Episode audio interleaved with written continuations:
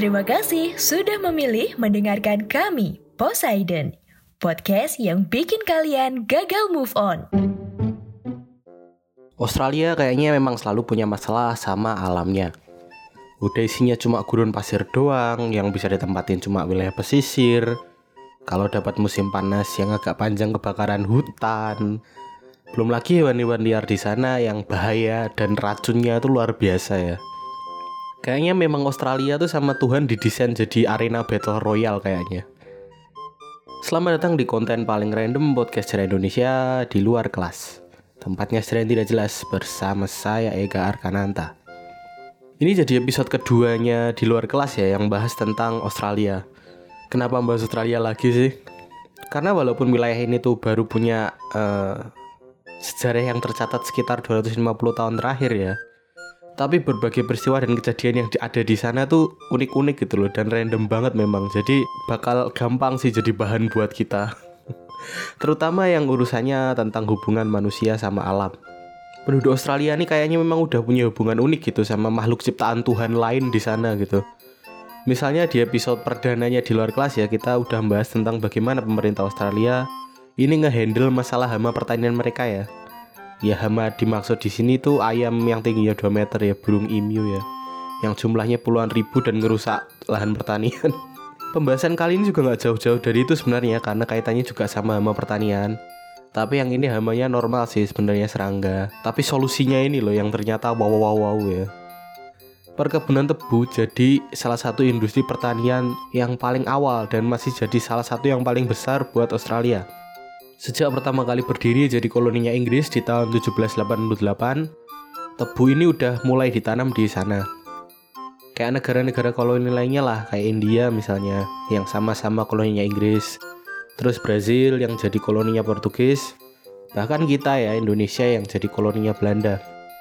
Bedanya adalah di Australia ini, flora dan faunanya ini tuh benar-benar unik. Karena memang daratan Australia yang udah misah jutaan tahun kan dari daratan-daratan yang lain. Jadi mereka eh, nggak uh, punya persamaan biodiversity sama wilayah lain gitu di dunia. Ini akhirnya jadi masalah ketika orang-orang Australia ini mencoba memulai industri tebu mereka ya. Hama-hama yang muncul buat ngerusak tanaman mereka ini ini hama yang belum pernah mereka temui sebelumnya. Orang-orang Inggris juga belum pernah temui. Karena memang dia memang nggak ada di negara lain karena Australia ini unik kan ya. Yang efeknya adalah mereka nggak tahu cara efektif buat berantas hama ini selama puluhan tahun, baik petani maupun ilmuwan di sana, ini cari cara yang buat paling efektif uh, memberantas hama-hama tebu ini yang berupa kumbang ya di sana tuh. Kumbang jenis greyback beetle sama French beetle ya. Kumbang ini kan uh, hewan yang melalui metamorfosis sempurna ya.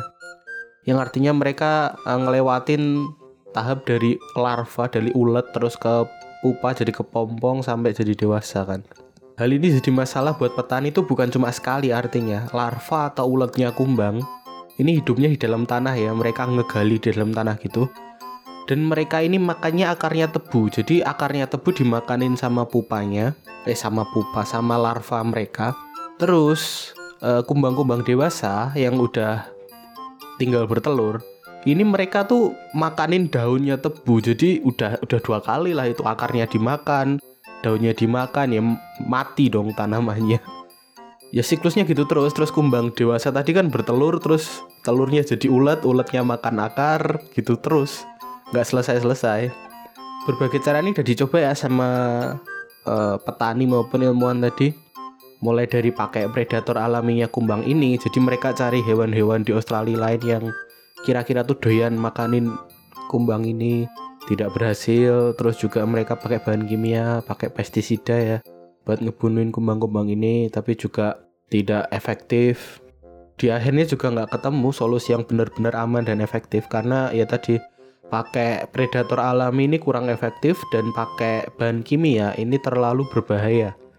Hal ini tuh berlangsung lama ya puluhan tahun sampai tahun 1935 ada seorang peneliti dari Bureau of Sugar Experimentation atau BSIS namanya Bapak Reginald Montgomery. Ini tuh ngebawa sekitar 102 spesimen kodok jenis kentot ya atau kodok tebu dari Hawaii. Kodok-kodok ini tuh punya track record yang lumayan bagus ya buat ngeberantas sama tebu.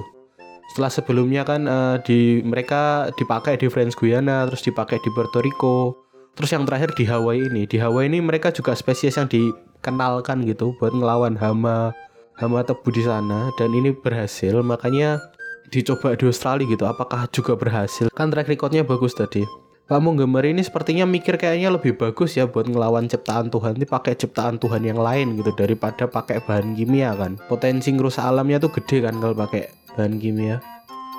Tapi keputusan Pak Montgomery buat melepas liarkan kodok-kodok tebu ini sepertinya jadi masalah besar yang lain. Karena kenyataannya, kodok-kodok impor ini justru jadi salah satu masalah lingkungan terbesar di Australia sekarang. Kenapa bisa begitu? Pertama, kodok-kodok ini kayaknya tuh nggak dites dulu ya efektivitasnya buat memberantas kumbang tebu yang ada di Australia ini.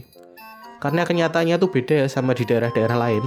Uh, tebu yang ditanam di Australia ini tuh lebih tinggi varietasnya dibandingkan tebu-tebu di negara-negara tropis yang dipakai contoh tadi.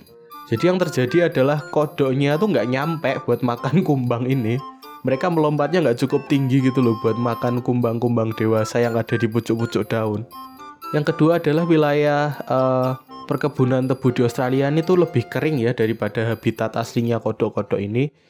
Dan yang terjadi adalah akhirnya kodok-kodok ini tuh lebih suka keliaran di daerah-daerah lain.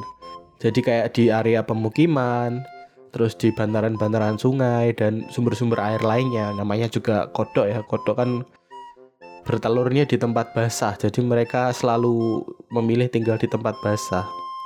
Dan yang ketiga, Kentot atau kodok tebu ini adalah jenis kodok omnivora. Jadi mereka nggak cuma makan serangga, tapi juga makanan-makanan lain kayak buah, daging, terus sisa-sisa makanan juga mereka mau. Ya jadi mereka nggak peduli sebenarnya sama kumbang-kumbang tebu yang jadi hama tadi. Karena ada sumber makanan lain gitu loh yang lebih melimpah ruah di sekitar mereka. Hasil akhirnya adalah kodok-kodok ini tuh gagal ya jadi uh, solusi masalah hama tebu dan justru jadi hama lain yang merusak lingkungan di Australia. Hal ini juga dikarenakan kodok ini tuh punya kemampuan beranak yang luar biasa ya. Mereka tuh telurnya ber, mereka bertelur lebih banyak dan lebih sering dibandingkan spesies-spesies hewan lokal yang ada di sana.